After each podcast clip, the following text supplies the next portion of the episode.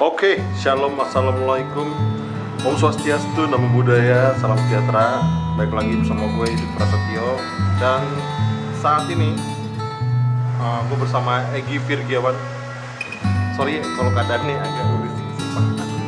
Ini kita karena keadaannya lagi di cafe dan kebetulan dekat jalan protokol. Oke, gue ulang lagi kali ya, gue Yudit Prasetyo dan gue lagi bersama Egi Virgiawan. Oke, buat yang belum kenal Egi Virgiawan siapa atau sebagai apa, ya pasti musisi sih. Karena gue ngeliatnya kan pasti yang musisi. Musisi ini tepatnya. Oke, kita langsung ke Egi aja. Oke Gi, halo Gi. Yudit Assalamualaikum semuanya Selamat sore Mas Yudit Nggak kenalin dulu dong, lu, lu nih siapa dan lu, lu apa gitu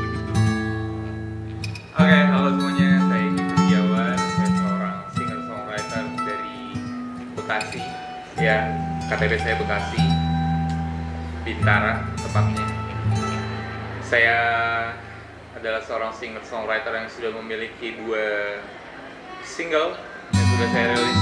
Single pertama yaitu Story of Sun saya rilis di tahun 2018 lalu single kedua berjudul Telaga Lara saya rilis di 2019 nya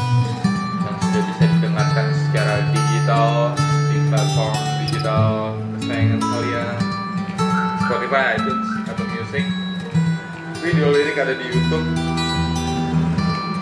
ya Deezer dan lain-lain Oke. Oke kita langsung ke sesi pertanyaan aja Gi ya. Um, tadi barusan uh, seputar ya kurang lebihnya siapa Egi Virgiawan uh, narasumber kita kali ini. Oke, pertanyaan pertama, sejak kapan lo mengenal musik dan seperti apa kejadian ini? Main musik gue main musik nih ya. Hmm. main musik berarti gue dari 2000 2006 lah SMP hitungannya. SMP gue main musik itu lewat gitar gue belajar gitar. Itu gue belajar sama kakak kelas gue dan di kelas 2 nya gue mulai belajar gitar tadi di kelas 1 di kelas 2 nya gue udah mulai ikut pensi udah mulai ngeband di studio di studio studio sewa udah mulai kenal drum bass di situ sih mulai mengenal musik dan bermain musik Oke, itu udah barusan pertanyaan pertama nih ya. Berarti dari SMP kelas 1 di- diperkenalkan dan akhirnya sejak itulah doi mengenal musik atau memainkan musiknya. Nah, pertanyaan berikutnya Gi, kapan akhirnya mau memulai berkarya? Dan beserta alasannya? mulai berkarya. Mau mulai? Boleh. mau mulai berkarya itu di 2016 gue tetap gawe ya 2012 di 2016 gue vakum gawe. Triggernya ada di Earhouse gue mendengar statement dari Mbak Endah Widya Suti yang membuka showcase Marco Marche. Dan Mbak Endah berstatement apa pun yang terjadi seorang seniman tidak akan pernah berhenti berkarya. Di situ gue merasa tersindir Mantap. merasa tertampar karena waktu SMP itu gue udah mulai nulis lagu gitu ya. Dan ketemu lagi Mbak Endah di 2016 itu dengan statement yang Mbak Endah itu gue merasa tersindir kok gue kan seniman juga ya gitu Hmm. merasa pede gitu tapi gue nggak berkarya Wah, di situ Oke. itu gue mulai Akhirnya berkarya lah ya sejak momen tersebut. Yoi. Oke. Nah, uh, oke kita langsung ke pertanyaan berikutnya juga nih. Berarti sekarang lu mau menyatakan diri lu sebagai musisi indie atau major? Kenapa jalur indie? karena belum ada manajer yang nawarin Kalau ada iya lah ya. kalau ada ya mungkin kan manajer jadinya ya kan mungkin Iya sih bener sih. tapi gue sekarang masih indie sih dibilang indie ya berarti gue mengerjakan proses dari pembuatan sampai eksekusi sendiri kan gitu. Iya. Iya. dua lagu itu dua lagu yang udah gue rilis pun gue melakukannya secara indie berarti dari proses pembuatan lagu sampai lagunya rilis itu gue sendiri Kenapa indie? karena sebebas itu sih kalau menurut apa yang gue tahu gitu ya, dibanding label dan mereka yang udah pernah bergelut di label gitu Ya sudah-sudah lah ya. ah yang sudah sudah ya di kepala gue kayaknya memang lebih bebas sih lebih bebas lo untuk mengenal diri lo dan mentreat diri lo beserta karya-karya lo Berarti lu udah cocok lah ya. Maksudnya berarti jalur ini ini untuk saat ini sangat-sangat cocok buat lo. cocok termasuk di si- sisi prosesnya Oke. Nah, eh, kalau ada pertanyaan genre lu tuh apa sih? Dan akhirnya kenapa lu pilih genre itu? Alasan atau awal mulanya mungkin? gue selalu kalau ditanya genre lo apa sih? Selalu gue jawab pop. Pop, populer. karena pop ini kan berasal dari kata populer ya. Hmm. populer dan menja- menjadi istilah pop. Kemudian menjadi sebuah genre. Karena gue menggunakan melodi-melodi atau progresi di lagu gue yang terbilang umum pop populer Hmm. umum di telinga telinga kita Bisa dibilang kayak musik-musik yang salah satu menjadi salah satu identitas negara kita juga kali ya. Iya betul betul betul. Pro- Progresi yang mudah di dicerna, yang mudah diulang ketika mendengar sekali dengar. Kebanyakan sih materi-materi gue gitu. Jadi gue kalau ditanyain genre lo apa pop, walaupun ada yang bilang folk gitu. Cuma kayaknya kalau folk, no, Oke. I'm a pop. Sisinya. Iya, iya. Nah sekarang soal instrumen. Eh, mungkin umumnya teman-teman taunya lu ya singer, as gitaris juga gitu kan akhirnya. Al, bener apa enggak tuh? Itu aja atau gimana? Iya, ya, gue sampai sekarang memilih gitar karena gue banyak uh, ya satu karena emang alat, alat musik yang bisa gue mainin gitar doang sih. Betul gitu. Iya, serius serius.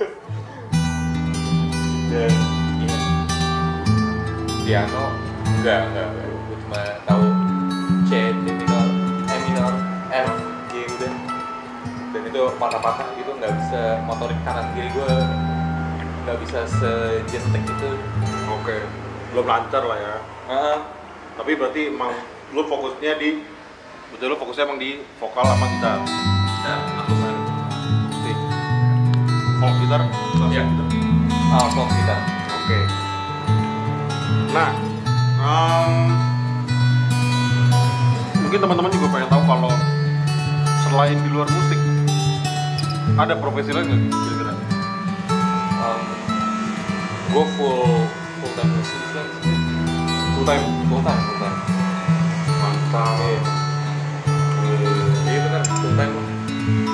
Pengabdian musik musik oke mantap mantap mantap mantap. Iya iya iya iya. iya.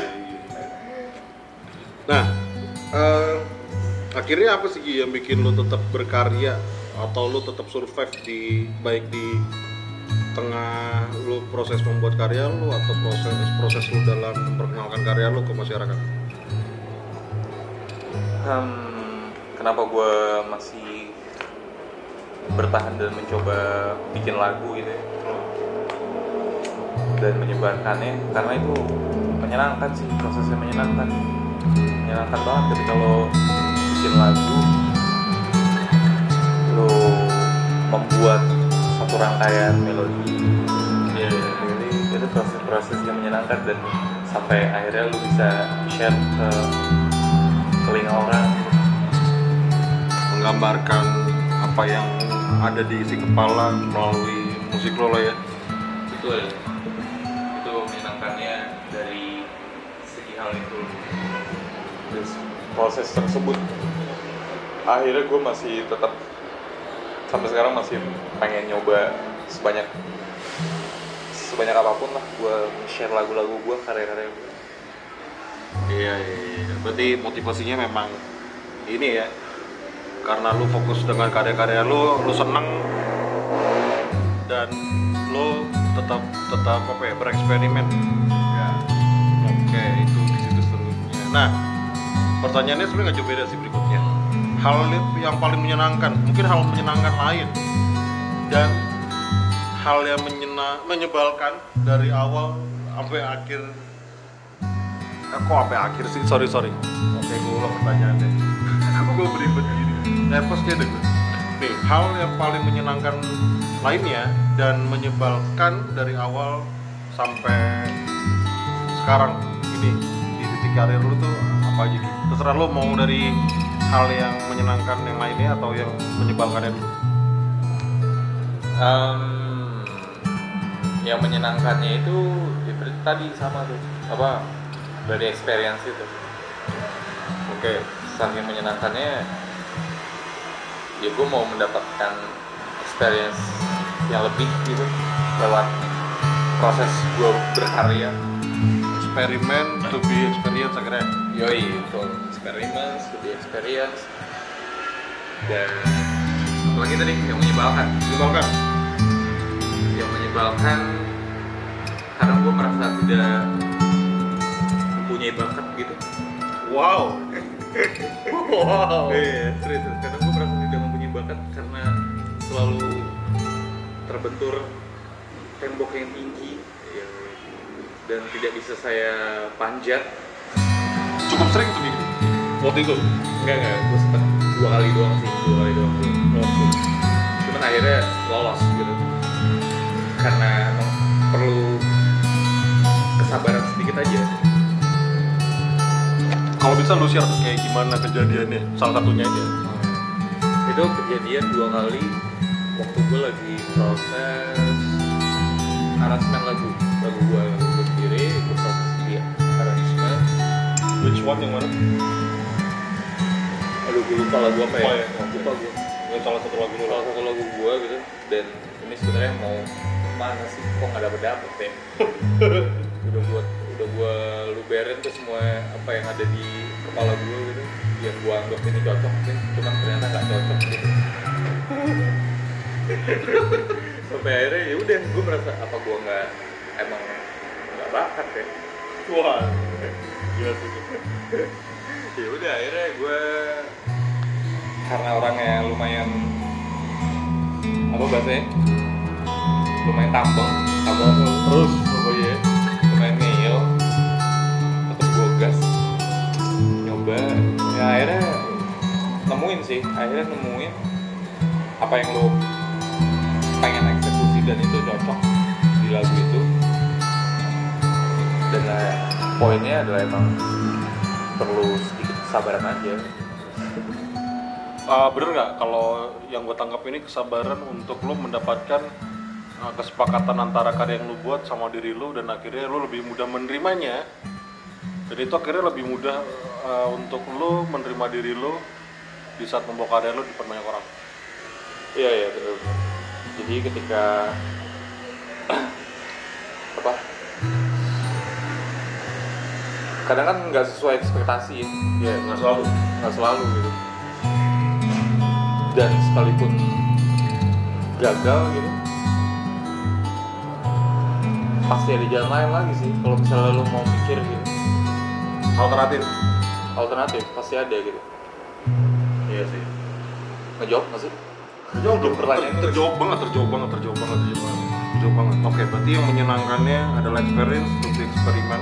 Eh kebalik ya eksperimen to be experience aduh gila. Gitu, gitu.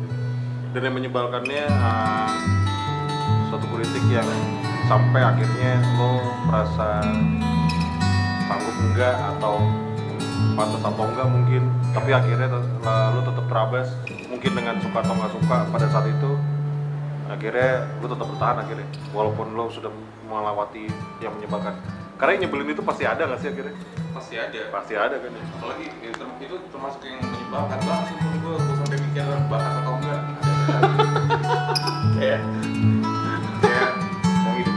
tidur cuman ya bakat nah kalau nggak dikembangin juga sama aja. Betul. Gue lebih setuju. Bener. Akhirnya mungkin kita sepakat kalau uh, usaha terus menerus secara konsisten ya. lebih membuahkan ketimbang undian genetik lah ya. Ya betul. Oke. Okay. nah yang berikutnya nih ah. apa sih ngelarpin untuk musik di Indonesia? Dan mungkin pesan untuk teman-teman calon musisi mungkin atau yang baru mulai mungkin atau yang sudah mulai juga nggak apa-apa sih. Yang gue harapin sih lebih banyak karya. Lebih banyak karya. Karena ketika orang-orang suka kita punya karya baru nih. Kita juga ikut punya juga ikut gitu. Kayak misalnya lu lu ngerilis lagu gitu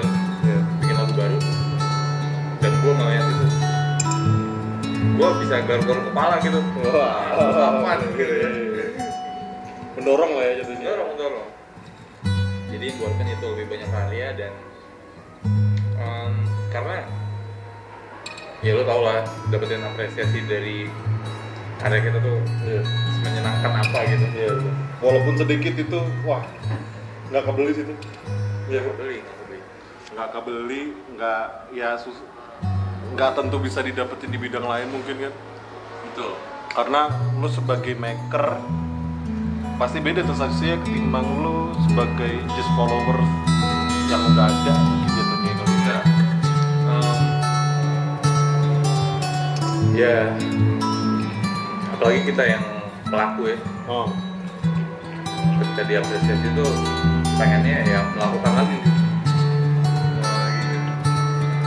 jadi kita jadi ah, sama sih itu sama kayak gue juga. Maksudnya berarti nggak hanya Egi mungkin gue juga berharap teman-teman lebih berani untuk berkarya kan akhirnya ya. Ya. Ah, kita juga pengen nyampein. Kalau ini kan menurut kita ya biar teman-teman langsung nyobain gimana pengalaman ah, atau rasa atau sensasinya dalam lu mau mempertanggungjawabkan karya-karya mereka masing-masing ya nggak sih? Ya masing-masing ada caranya juga. Kalau cara gue ya untuk menyenangkan diri gue pribadi gitu. Membuat lagu dan bagaimana caranya lagu ini bisa diterima betul betul. Oke oke. Oke that's good. Nice nice nice nice. Oh, banget nih gue dapat pelajaran dari gini nah nggak beneran beneran nih gue gue nggak bohong nih. Oke nih ini pertanyaan terakhir nih. Hmm. apa yang bakal lu perbaikin? Andai lu bisa kembali ke momen yang lu anggap sebuah kesalahan baik itu sadar atau nggak sadar waktu itu? Ada atau enggak ada atau enggak ada. Ada. Tapi gue nggak mau apa ya? Nggak mau. Gue lumayan agak cuek sih orang jadi eh ya udahlah. apa cukup pada saat itu aja overthinkingnya gitu. Iya pada saat itu aja gitu. Misalnya coba gue belajar main gitar dari dulu. Ah enggak juga lah. Gue mau belajar belajar tentang apa pun, kapan pun itu sah sah aja gitu. Daripada lo menyesali apa yang harusnya nggak lo lakuin. Tapi yang selalu gue coba perbaikin itu ini sih. Gue selalu ditekenin soal ASK ask ASK ask attitude, skill, knowledge. Gue selalu ditekenin Oke. sama orang rumah yaitu apa. Apa pun bidang yang lo tekuni coba lo um, kembangin tiga hal itu. Gitu. attitude lo yang pertama itu attitude disiplin skill knowledge. Nah ketika tiga-tiga itu udah selaras lo bisa pakai. Ya itu sih yang selalu gue kembangin gitu. Karena gue termasuk apalagi soal itu gue terus yang kurang ajar. Aduh. Aduh nggak tahu ya di mata gue sih. Yang kurang ajar nggak cuma berarti yang kurang enggak tapi terlepas akhirnya ASK seseorang ini sudah baik atau enggak uh, dalam lebih ke kita ke fokus ke, ke yang baru mulai dalam menerapkan ASK ini kali ya? Uh, tetap butuh proses dan waktu nggak sih akhirnya menurut lo? Gimana gimana? Tetap butuh proses dan waktu nggak sih untuk lo bisa mengaplikasikan ASK lo ini. Ya tadi apa? Attitude skill knowledge. knowledge. Itu selamanya sih menurut gue. Selalu ya. selalu selamanya. Permanen itu. yang penting lo ingat aja gitu.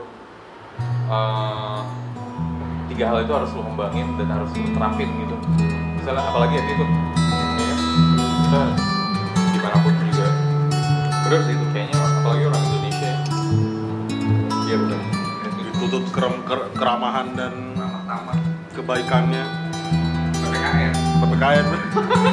PPKN Kalau Bandung masuk belum BP aja. Oke, um, oke itu tadi barusan pertanyaan terakhir. So buat teman-teman, uh, eh bentar, gua gua saya thank you dulu kali sama Gigi, thank you banget Gigi, Uh, udah Sama-sama, udah berkenan di undang untuk jadi narasumber Yoi. podcast gua kali ini. Semoga semakin menginspirasi, semoga semakin uh, semangat terus berkaryanya dan akhirnya uh, bisa di posisi dan atau target yang lo harapkan atau impikan Amin. kita doakan lah ya. amin amin amin iya sih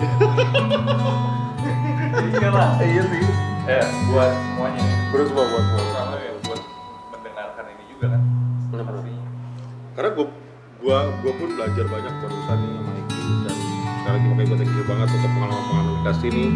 Nah nah untuk eh, buat teman-teman yang mau tahu media sosialnya Egi, Egi nih baik apa pun itu eh, nanti bisa langsung dijelasin nama Egi. Apa aja Gi kira-kira Gi? Sosial media Instagram ada YouTube apalagi ya? Apa pun lah semuanya gue pakai nama Egi Virgiawan kok. Spotify. Spotify, iTunes, Apple Music, Digital Store buat yang mau dengerin lagu-lagu gue sama Egi Virgiawan. Oke.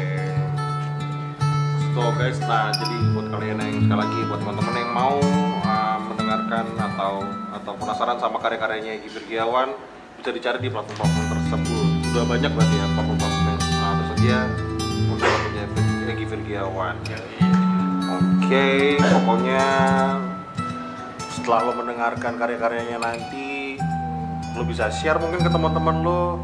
Lo kalau lo appreciate lo bisa like atau subscribe channelnya. Dengan lo melakukan tindakan-tindakan tersebut lo sudah mendukung turut sangat-sangat mendukung permusikan Indonesia pokoknya. Follow follow follow follow Instagramnya juga